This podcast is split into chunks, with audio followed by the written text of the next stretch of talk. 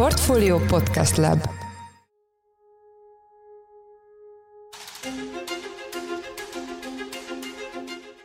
Mindenkit üdvözlünk, ez a Portfolio heti podcastjének speciális kiadása, amit videón a Portfolio YouTube csatornáján is közlünk. Mai interjú alanyunk a magyar származású Henry Kalán, a Library Hotel Collection luxusszálló csoport tulajdonosa és elnöke. Kalán 1947-ben született a felvidéken, és nem túlzás azt mondani, hogy megvalósította a klasszikus amerikai álmot. 21 évesen került New Yorkba pénz és nyelvtudás nélkül, pincér segédként helyezkedett el, majd pedig egyre feljebb kapaszkodva a ranglétrán, majd hat luxusszállóból álló cégcsoport tulajdonosa, mely négy New Yorki, egy torontói és a budapesti Ária Hotelből áll. Az interjút ez utóbbi hotel tetőbárjában készítettük. Ebben a műsorban szó lesz Kállán kezdeti éveiről, apja kommunisták általi bebörtönzéséről, diszidálásának kalandos történetéről és a korai New Yorki évek kihívásairól is. Ezen túl beszélünk még karrierje felfutásáról, szállodafejlesztésekről, arról, hogy miért érezte úgy 40 évesen, hogy saját hoteleket akar, és megkérdezzük egy ügyről is, amiben nemrég több millió dolláros kártérítést kellett fizetnie a torontói hotelje egy korábbi beszállítójának. Én Forrás Dávid vagyok, a Portfolio podcast szerkesztője,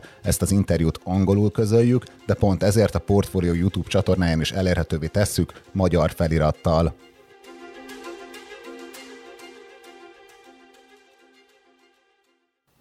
Mr. Kallan, welcome to our show and uh, thank you for taking the time to talk to us. Thank you very much for having me. You were born in Czechoslovakia in a Hungarian speaking family in 1947. Um, can you describe us how it was growing up in this post World War times in a Hungarian speaking family in Czechoslovakia? Of course. Until the age of six, I lived in a small village where my family were basically in the agricultural business.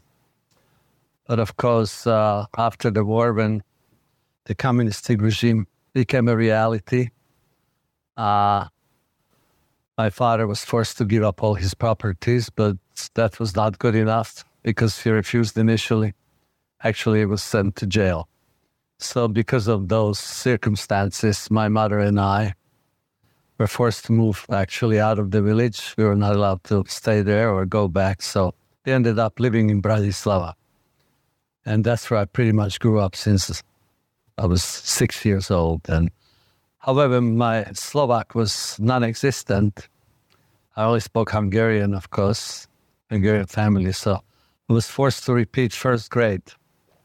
So that's how I actually learned the language, Slovak language. And I grew up under a communistic system until the age of 20 at that time, of course, I've decided to leave the country mm-hmm. for USA. So I'll come to that in a minute, but now we are sitting on the rooftop bar of your hotel in Budapest. But do you have any childhood memories of the Hungarian capital? What was it like back then? Well, very much so. As a matter of fact, I think since maybe I was um, a little older, maybe than 10 or 12, we had family here. My father had a sister who was living here and I uh, was visiting Budapest quite often, pretty much every summer. And the most vivid memory I have, how much I enjoyed getting ice cream in, the, in Budapest. And uh, also, my father was obviously, thank God, he was released from the communistic jail after about three and a half years when President of Czechoslovakia Gottwald gave amnesty to a lot of people.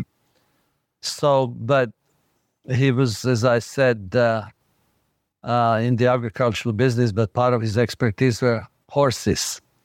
So my recollection mostly was not just about the city, which to me was just a world capital by comparison to anything else I've seen to that time and that age, but uh, was a tradition. We used to go to the to racetrack, pretty much, you know, uh, horse races. And my most vivid memory was that I was always uh, really surprised what a great feeling my father had for horses because every time they were betting was either the number one number or number three the horse came in so i was very impressed with my father you know and so that was probably one of the most vivid memories I had from coming to Budapest. And of course, I it was it was a very different experience as growing up in Bratislava. To me, Bratislava was almost the village by comparison to Budapest. Yeah, yeah. According to a previous article, you left Czechoslovakia for Austria in 1967 as a football player. And uh, what is the story behind that? Because we haven't really found too much info on your football career. Right, right, right. I mean, uh, when I was uh, 17, 18 year old, uh, I was uh, playing for, it wasn't a professional team because in a communistic country there were no professionals, but I was on uh, the national team for a while. But then I decided, when I graduated high school, I decided pretty much to leave uh, Czechoslovakia. And I had a couple of my friends who left earlier. But obviously, going to school and listening to the communistic propaganda was something very different what I was hearing at home. So, uh, so I guess uh, for whatever reason, uh, I was always dreaming, and I wasn't really happy with what was going on at the age of 17 to 20, what I heard in school, what I heard at home. And I was always wondering, and I think the curiosity was always triggered by the fact that we were not able to travel. The government pretty much controlled this. You, you're too young to remember, maybe. Yep. But uh, I also have family. Yeah, exactly. So, so that's pretty much what triggered uh, my my curiosity and my my anxiety in many ways. That I don't want to get stuck living here without having the freedom to really maybe reach my potential, whether as, as, a, as an athlete or maybe as just a person who had certain ambition and dream, you know, big. So, uh, so I've decided at time when the opportunity came for myself and a friend of mine, we simply walked into the Austrian embassy and asked the uh, the Austrian ambassador if he could give us a visa for Austria, purely in an empty passport, because those days you actually re- required you you needed a permission from the local uh, government um, to be able to travel out, even if you're going to Bratislava or you, I mean to Hungary or Yugoslavia. So but uh, at that time, I think we were able to go to Hungary and well, from Hungary to Yugoslavia. So with the empty passport, but only containing the passport only with the Austrian visa, we've decided to leave. We ended up going through Hungary. We went to Zagreb at that time, where we were hoping to take a train mm-hmm. to Vienna. Of course, being naive and being ignorant, sometimes ignorance is a blessing but we got on the wrong train going to Germany. As the train took off, then the conductor came and he looked at our passport. He says, You're on the wrong train if you're going to Austria. So we got off the train, came back to Zagreb, waited for the next train, of course, to go to Austria, Vienna. And as finally we took off, we got to the Austrian border, which at that time, obviously, we were very scared because we didn't know if the Yugoslavian authorities will actually allow us to to go uh, to Vienna. So what we've done is, with my friend, we jumped off the train and we ran through the borders. And of course, there were a bunch of, uh, I guess, uh, border patrols who ran after us, but I guess we were pretty good athletes. So we made it to the other side. And I remember so vividly, we were so nervous but we were happy and we didn't know whether we should be crying or we should be laughing. Make the long story short, we ended up going to Vienna, where we registered. We immediately went to a police station. We reported ourselves, and simply was, I think, Friday evening. They didn't know what to do with us, so they put us in jail. So I had the I had the privilege of spending three nights in jail with all the murderers and all the gangsters. And it was quite an experience. It was pretty terrifying for a 20 year old kid. But anyway, so Monday they processed us with all the papers. And I remember we were, we were told that we have to go to this uh, refugee camp in, I think it was called Treiskir, Treiskir or one of those. We ended up actually staying only 10 days because, again, I was eager to get a job because we had no money. Our German was not exactly great. So after the 10 days, I came to Vienna and I got myself a job. And how is football related to this? Football is related in a way that uh, after my first job, where I was working in a little factory, cutting the material for raincoats in a way, uh, uh, at that time, I didn't want to do the job anymore for a number of reasons. And I ended up looking for another position on Mariahilferstrasse.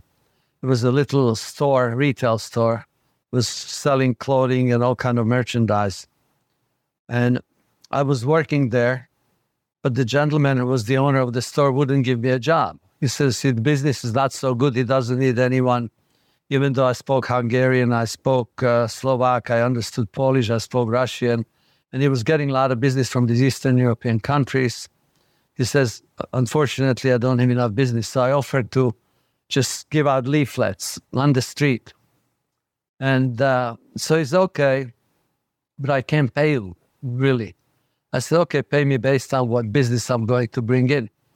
And I was so resourceful at that time for a 20 year old guy that I find out where all the tourist buses come and park and where the trains come with all the tourists. And I made it my business to actually go and talk to the driver of the bus or the, the, the person who was the leader of the group. And I basically told them that we have great deals in the store. And if they bring the entire group to the store, that I will reward them. Mm-hmm. That's exactly what I've done. It was an incredible situation because had so much business then. We literally had to lock the store. We were afraid that people will walk out with the merchandise. And I've done this probably for about two, three months. I mean, it was just um, it's like in the movies. And one day I get a call from a agent who was a football agent. And he asked me if I would like to continue my football career, that he would be able to take me up to Innsbruck. That's exactly what I've done. I ended up in Innsbruck and I was training for Wacker Innsbruck for a couple of months, hoping that maybe I can play. A professional league. But guess what? Those two months while I was practicing there and hoping to play for Wacker Innsbruck, the local boys were not very welcoming because they were concerned that maybe I take over somebody else's position. So finally, when I received my visa to go to America, the negative aspect of the relationship with the rest of the team actually helped me to decide to leave. Yeah. So so I made the decision that maybe I'm not so welcomed here. Even though the owner of the club said to me, he says, Look, stay if you're really good. You have a great future. And I just said, I never even explained. I didn't complain that I didn't feel yeah. part of the part of the team, so forth and so on. So I made a decision and I simply, you know, decided to come to America. Yeah, so you left to New York for New York in 1968. Correct. No money, no command of English. Uh, what are your earliest memories of the city? In, New York? Yeah. I mean, as probably every immigrant does. I was looking for my own people in the, the Slovak and Hungarian community. And uh, but there were no real opportunities there. A lot of Hungarians own Hungarian restaurants, and um, but uh, I actually initially ended up again working for a little f- small factory on 42nd Street, and I believe uh, someplace around Sixth Avenue. I was wrapping watches, and I did that probably for maybe three months and I have a great little story there. I used to work with two very tall, big black gentlemen. They were very nice. You know, they were very gracious with me, understanding I don't speak the language and so forth. So as I'm working here for a couple of weeks, you know, I have a difficulty communicating. And, uh, but the reason I got the job, because when I was looking for a job, the, the, uh, timekeeper, you know, when you have a service entrance for employees to come and go, I walked in there and I said, job. That's all I knew. And he says, what language do you speak? I said, German, Hungarian, Slovak. So he spoke to me in German. And somehow he says, the, the foreman upstairs is Hungarian. Why don't you go and see him? So I go up there, I speak to him, gives me a job for $1.56 an hour. That wasn't too much even back then. There was the minimum wage, was $56 a week. But anyway, make the long story short, I'm working there. But the cute story from that particular job is that as I was working with these two gentlemen, uh, one day there were a bunch of Cuban ladies there. And one day over lunch, they asked me to join them. So I'm happy to try to talk to them, obviously from Cuba, communist country as well, I guess, at that time. And they said to me, Henry, they called me Henry. If anybody says to you, How are you? the appropriate answer for you to say is, None of your business. So the next morning I come to work and I think I'm an expert now. And these two black gentlemen who were always very friendly with me, very nice. Then he said, Oh, good morning, Henry. How are you? And I, with a big smile, I said, None of your business. They were shocked. Well, that's a very New York thing to do. Uh, but soon you, uh, you, you, you go to work in a, as a busboy in exactly. the hospitality industry. And if I put myself in your shoes, it seems like a logical choice as a young immigrant. But did you have any other motivations to, to go into the hospitality industry? I mean, when I was in high school in Pozsony, during my summer breaks, I I worked in some of the hotels, actually, particularly in one hotel, and uh, I realized that I was helping with luggage around the front office reception. And I realized that I enjoyed dealing with people. I enjoyed being helpful without having any expectations or any any expectation to reward me in any way in return by being nice and helpful. And I liked it. Uh, I when I came to America, I realized maybe I should give it a try. But why I was looking to be a busboy because I, I knew that no money, no language, but I'd be dealing with uh, the other employees and the guests. Gives me an opportunity to interact. But at the same time, I knew that I can maybe get a meal a day or, or two, maybe. So that was very helpful. So my first job as a busboy actually was in a French restaurant called Brasserie between Park and Lexington Avenue and I worked midnight to 7 a.m. But then after it was just just tough for me to work nights. So then I looked for a position in a hotel, and that was the Gotham hmm. Hotel, where I stayed for about a year as a busboy. Then I became a waiter. But then later I decided to set up, I have some other opportunities to really learn the business. So I ended up working at the Plaza Hotel with somebody who was Czech, helping me to for an introduction. Then the next few years, I ended up at the Hotel Pierre and different, different, some really fine properties, where I became a front office manager. I, I was in marketing. I did all, any type of job. Then ultimately ended up working at the Drake Hotel, where I stayed for four years. It was a big corporation and I told the general manager, I'm not leaving until I know the business better than you do. And that's exactly what I did. And after four years, the company had an opening for a general manager at the Warwick Hotel, which was a 540 room property right across from MoMA, the Museum of Modern Art. And I'm at this point, I'm a 27 year old, I believe, or 28, going through different hotels, learning the business in different from finance, from marketing, from operations, and so forth. And uh, this company basically feels that I'm still too young and I'm not seasoned enough. So the ge- gentleman who was the general manager of the Drake Hotel introduced me to one of the probably most influential, wealthiest families. They happen to own the Hotel Gotham, which today is the Peninsula Hotel. And I remember very vividly again, I'm sitting being interviewed by the owner.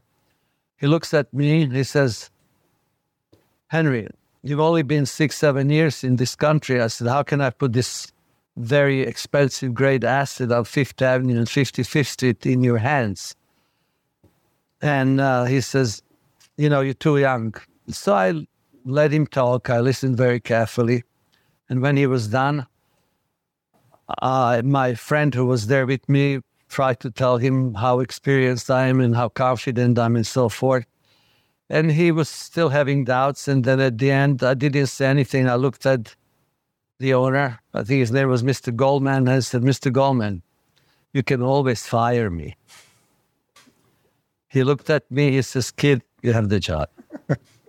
yeah, and I'd like to go into uh, to more business related fields. Of course. Um, so you end up being the general manager of the Warwick uh, Hotel. No, the Gotham Hotel. So the Gotham Hotel, Later. later, you uh, you become, I, I left the I left the Gotham and I the company which initially didn't give me the job at the Warwick realized what a great job I did at the Gotham. They called me up. Actually, the owner Bob Tisch, and uh, they offered me the Warwick. Yeah, yeah, and and and this place, um, you start or after being general manager, you become involved in uh, in developing hotels and resorts. How different was it in the seventies to develop these kind of businesses than what you do now? So, how was the sector? First of all, things were much less expensive. so, but actually, the story is very simple. I ended up being at the Warwick Hotel for four years and, and uh, running the business for the Tisch family, Loews Corporation, very, very big, uh, you know, family and entity. A number of companies, from insurance companies to hotels, real estate, and so forth, tobacco business, and so on. Uh, so I stayed there for four years, but then the Tisch family decided to sell the Warwick Hotel. Guess what? A family from Hong Kong, a Chinese family, ends up buying the hotel. It's an interesting story, but I'm not going to go into details. But I guess they liked me because I was part of the negotiating process, being helpful. One day I get a phone call after this was all settled, and I wasn't even sure that they actually made the deal. And I had breakfast with the with the new owner. He says, Henry, we would like you to stay. And we have all these ideas. If you show us that you can run a business very well and it's very profitable, then maybe we do something with you for develop a hotel company. Hmm. So, make the long story short, the first year of operations without a major company involved, I made million dollars more in profit for the new Chinese owner as they expected. So they loved the idea because hotels are real estate, but at the same time it's cash flow and you can adjust the prices as you please. There's no limitations what you can charge if the demand is there. So we started to look at different opportunities. Paris, France, uh, Colorado, uh, in the Caribbean, and so forth and so on. And obviously, this was the only asset the Chinese family owned at that time. They were eager to develop other other properties, and so I was fortunate enough to be involved here and apply all my experience and my, I guess, good common sense to work with them very closely. We, we uh, sort of accumulated a team of people which were very helpful, but I was basically the, the person who was the uh, lead person in looking for deals and helping them to develop new projects. And I think one of the uh, places I remember vividly I was very helpful was Paris, was Seattle, Jamaica, the Caribbean, and so forth and so on. So, and I must say that I remember the, the defining moment for my future career to be an owner on my own took place when I was doing the deal with their lawyer in Jamaica and the Caribbean. It was a 20 year lease. And that 20 year lease involved spending about $7 million to improve the property. And obviously, we took it over as a lease position. We were not the owners, the government still kept the ownership. And we made the deal, and everything seems fine. But on the way back from uh, Jamaica, I said to the lawyer, I said, Paul, I said, I love the deal, but I would have done something a little bit different. And I didn't want to be disrespectful to you as you were finalizing the deal. But I said, may I share my idea? He says, of course, by all means. He was, he was a good friend of the owner. They went to Cambridge, I believe, in England to school, to college. So he says, what is it? I said, what troubles me is that if this is my money, we have a 20 year lease, we have to spend $7 million.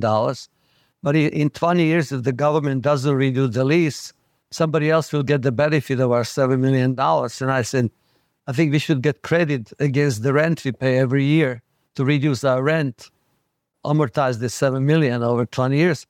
He says, Henry, it's a good idea. I wish you would have said something, you know, sooner. I said, Do you mind if we go back? I tell Dick Chu, the owner, I'd like to come back and try to renegotiate. He was a perfect gentleman. He says, Of course. He says, Be my guest. Guess what? The owner agreed. I went back and I made it happen. Yeah. And that was the defining moment when I realized I didn't go to college, but I think I'm smarter than the lawyers. and and you said earlier that when you turned 40, you felt like that you need to build um, something on your own. Why? Because actually, I stayed eight more years with the Chinese family at the Warwick. But somehow I had this uh, itching of trying to sort of be independent. Mhm. And I was very lucky because I lived with my family actually at the Warwick Hotel. I had a duplex apartment. I had no expenses. So my only expense was sending my children to private schools.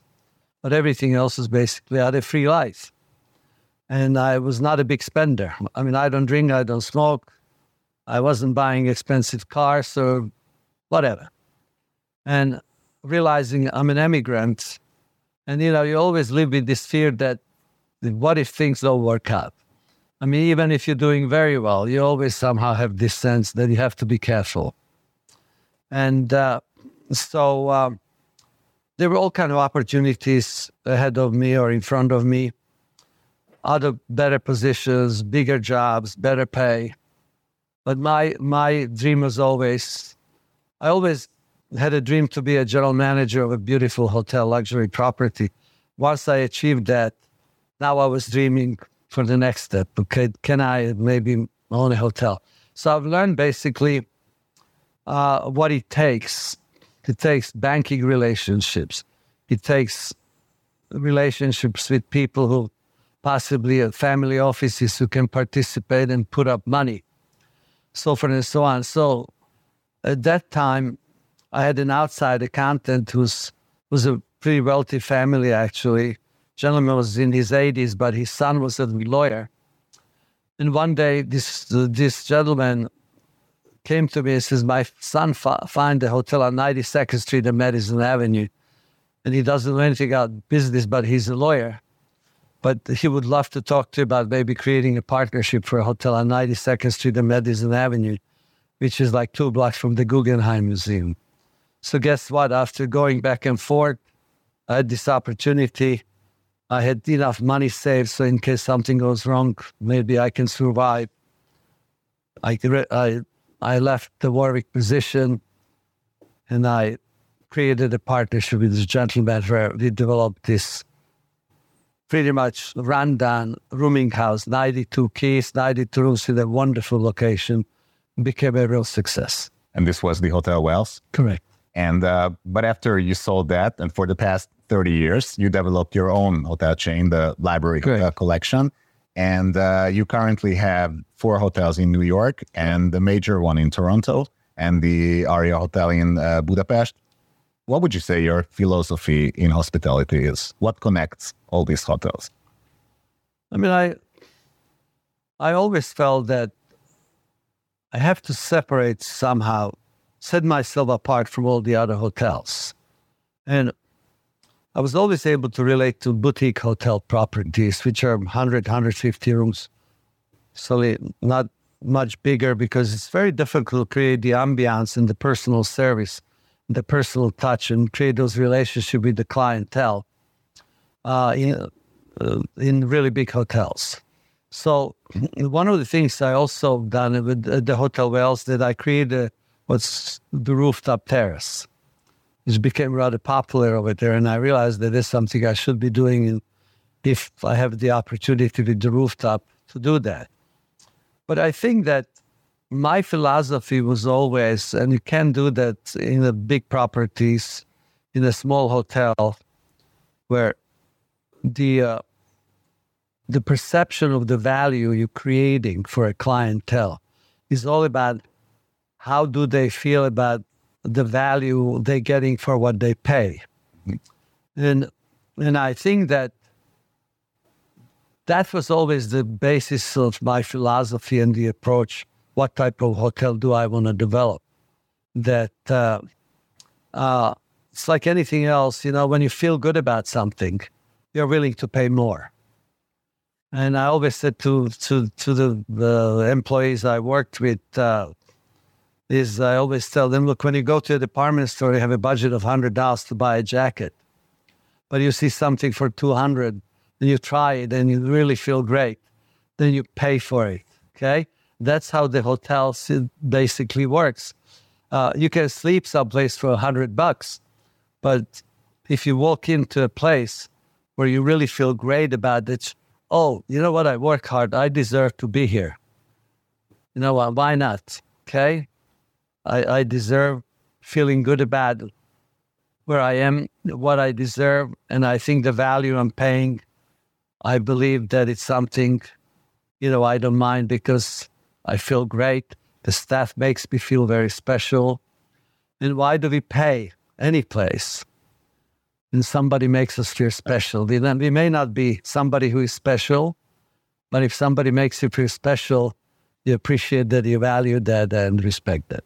I would come back to the um, size of your uh, hotels. Uh, but uh, first, let me ask you that in the beginning of the 2000s, you start investing in Central Europe, namely in Prague. Was it part of returning to your routes, roots? Yes. I, at that time, I developed the, the library hotel and the Hotel Giraffe. And the way I set myself apart, apart from the other properties, in many ways, the concept. And my initial first concept was about books. I realized that people relate to sports, to films, to books, to music.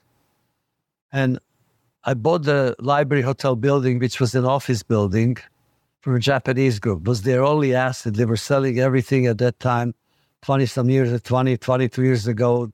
I think they were in trouble in New York. So I buy this building. Guess it's sitting on 41st Street of Madison Avenue. Guess what's one block away? The public library, New York Public Library. Okay. And there was another little small library, uh, three blocks down. trying to remember the name. So, so uh, so I said to myself, I need to do a hotel with a book concept. And I knew exactly that I want every room and every floor diff- uh, represent different genre of books. Call it philosophy, religion, call it languages, whatever the case may be. And everybody I talked to, including my architect, everybody loved the idea. So, but how do I put it together? that was similar issue here when I had this vision. I wanted to do music concepts, which was I did in Prague initially first. And so I speak to my architect. The architect says to me, Henry, my son is a stage stage director, theatrical stage director. So you should talk to him. He's very bright. He has a great imagination. So I had lunch with him. His name was Jordan Jacobs. I explained my idea, my vision. And he says, Give me a week. I'll come back to you. He comes back to me in a week. He says, Henry, I get it. Said, What's that? He says, We use it, we do it, the whole concept, every floor and every room based on the Dewey Decimal System. Dewey Decimal System basically represents a different type of books. When you go to any library, in, to any place in the world, it's based on the Dewey Decimal System. Make the long story short, put the concept together. We opened the hotel. Guess what? somebody files a lawsuit that I'm, I'm uh, using, copying, you know, whatever he had the uh, the uh, copyrights to to the Dewey Decimal System, and this hits all the papers, and, and all the librarians are very upset that this is basically a public domain. Why is this guy claiming this and that? But the beauty was, I just landed in Prague and my general manager calls me about this big lawsuit being filed against me and the hotel. And I said to him, relax. I said, we'll deal with it. But in the meantime, you're telling me it's in the New York Times, It's in Europe in every paper what this guy is doing. So that's a million dollar advertising value. Make the long story short, I made a deal with this gentleman who actually had the rights to this. I gave him credit on our website. I gave him $20,000 for his favorite charity. That was the deal. In the meantime, I got a million dollars or more worth of advertising for the new hotel. It was the best thing could have happened. Okay. And um, so we are now sitting in the Aria Hotel uh, in Budapest, Yes. uh, which you founded in uh, 2015. And uh, why did you think it was a particularly good idea to invest in the Hungary in the in the Budapest tourism industry, which was mostly famous for stag parties and low income tourism, so these kind of things. And uh, so, why did you think it was a investment opportunity? Well, first of all, as I said, we are a Hungarian family. Not by design, but by call it, uh, we were forced to move to, uh, in a way, from the Hungarian Slovak border, from the village to the capital of Slovakia at that time. And uh, so I grew up there. I was always a happy kid. I was doing sports and so forth but the Hungarian blood was always in me, still is. Uh, my mom never learned properly Slovak or even English. Eventually, I brought them all out. So our language was at home always Hungarian. He always called me Imi because my Hungarian name is Imre. So I always related to Hungary to Budapest. For me, growing up was the magic city because not realizing that the, communist regime had several limitations for the potential of the Hungarian brilliant mind, because the Hungarians outside of Hungary, they do very successful. And uh, so uh, I was drawn in a way because of the language. I knew the language is always much easier to develop or do business in a country where you know the language. So just out of the blue, somebody came to me who was actually a partner with my existing partner here, Alexander Roth. Uh-huh. And uh, at that time, Alex was not involved. Was only this gentleman. And he says, You really should go to Budapest to speak Hungarian. There's a bank building sitting there empty. Maybe you can do a hotel. So guess what? I come as crazy I am, I always call myself a reckless optimist because I always take risks.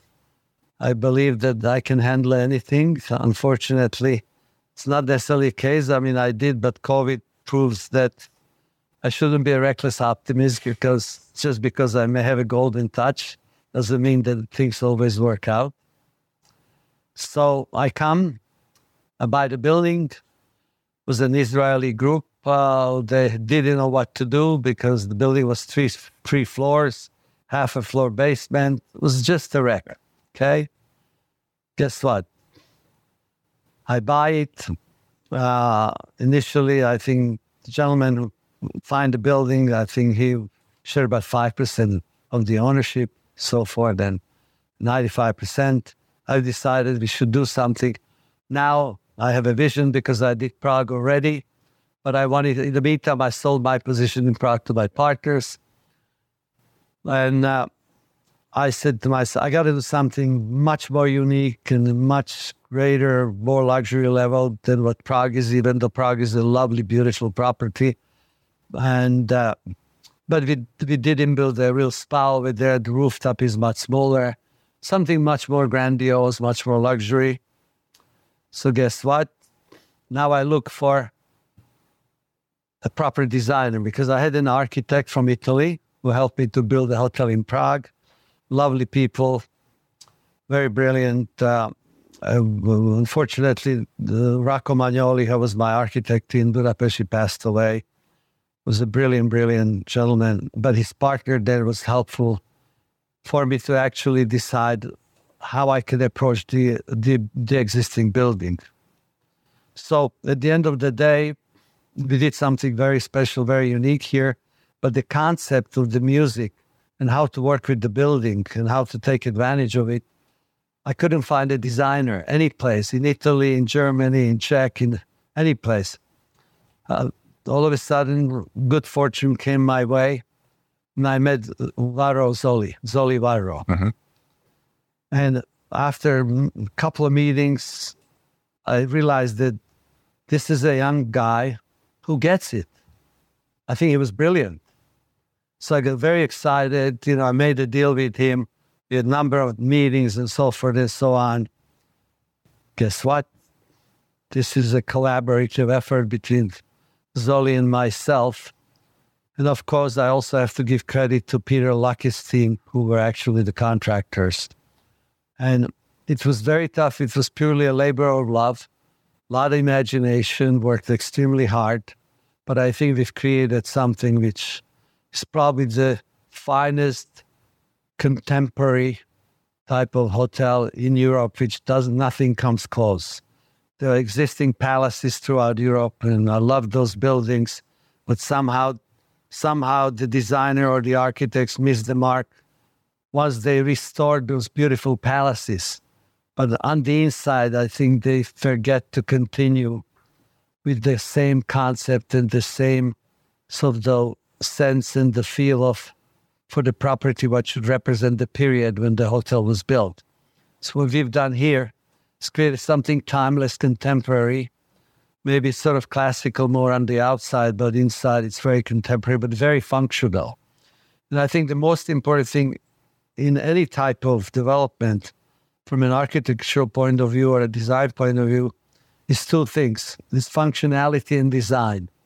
But functionality comes first design comes second. But when you can combine those two elements, I think you get something not only beautiful aesthetically, but also functionally.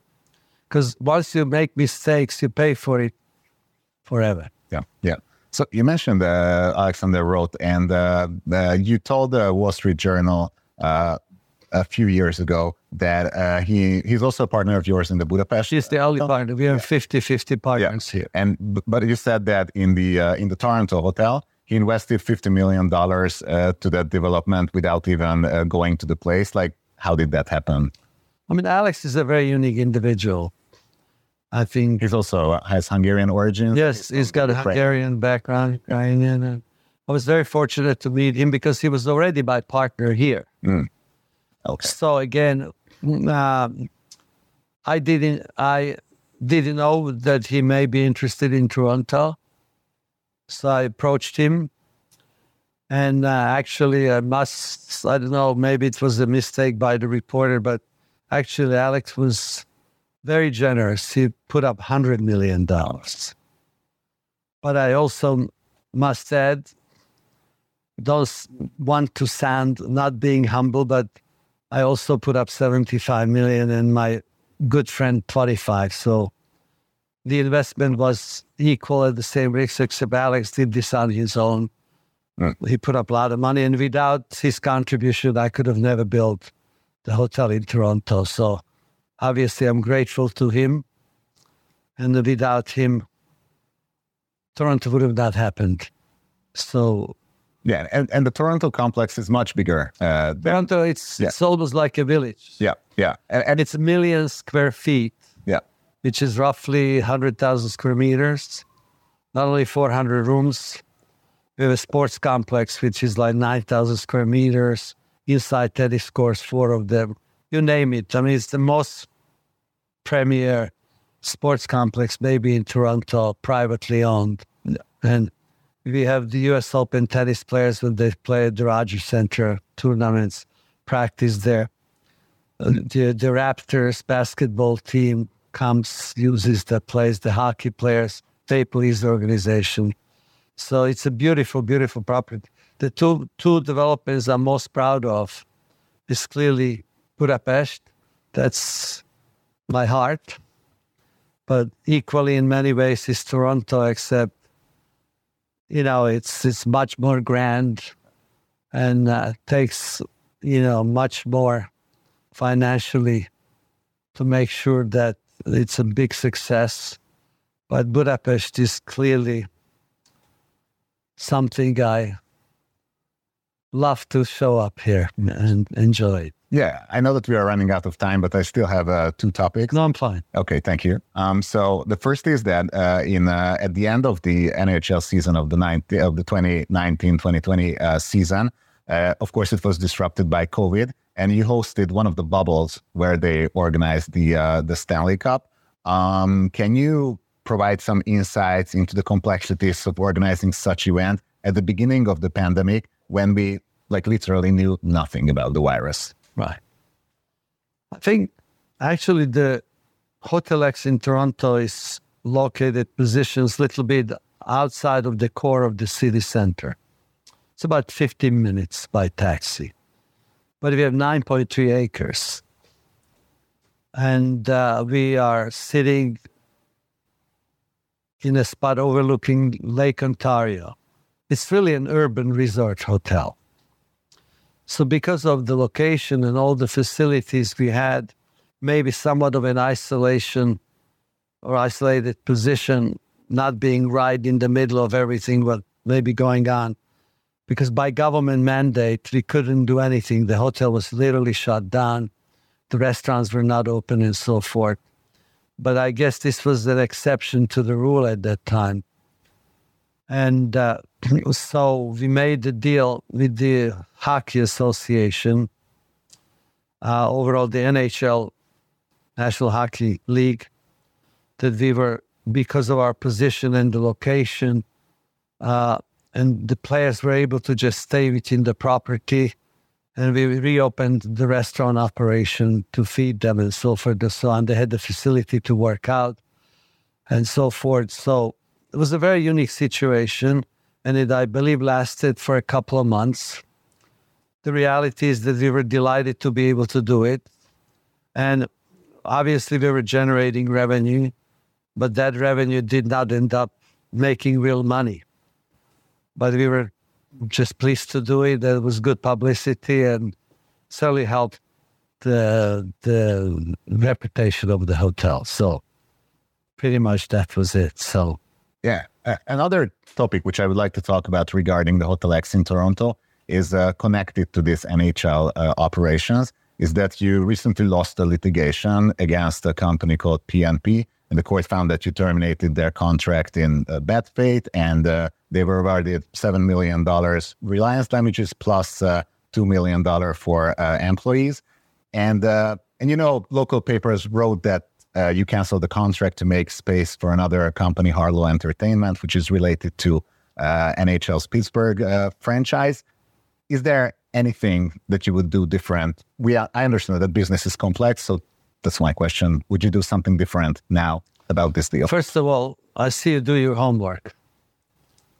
So everything you're saying is pretty much correct, with one exception that I terminated that contract because they were basically very bad operators. And uh, uh, they were totally unprofessional.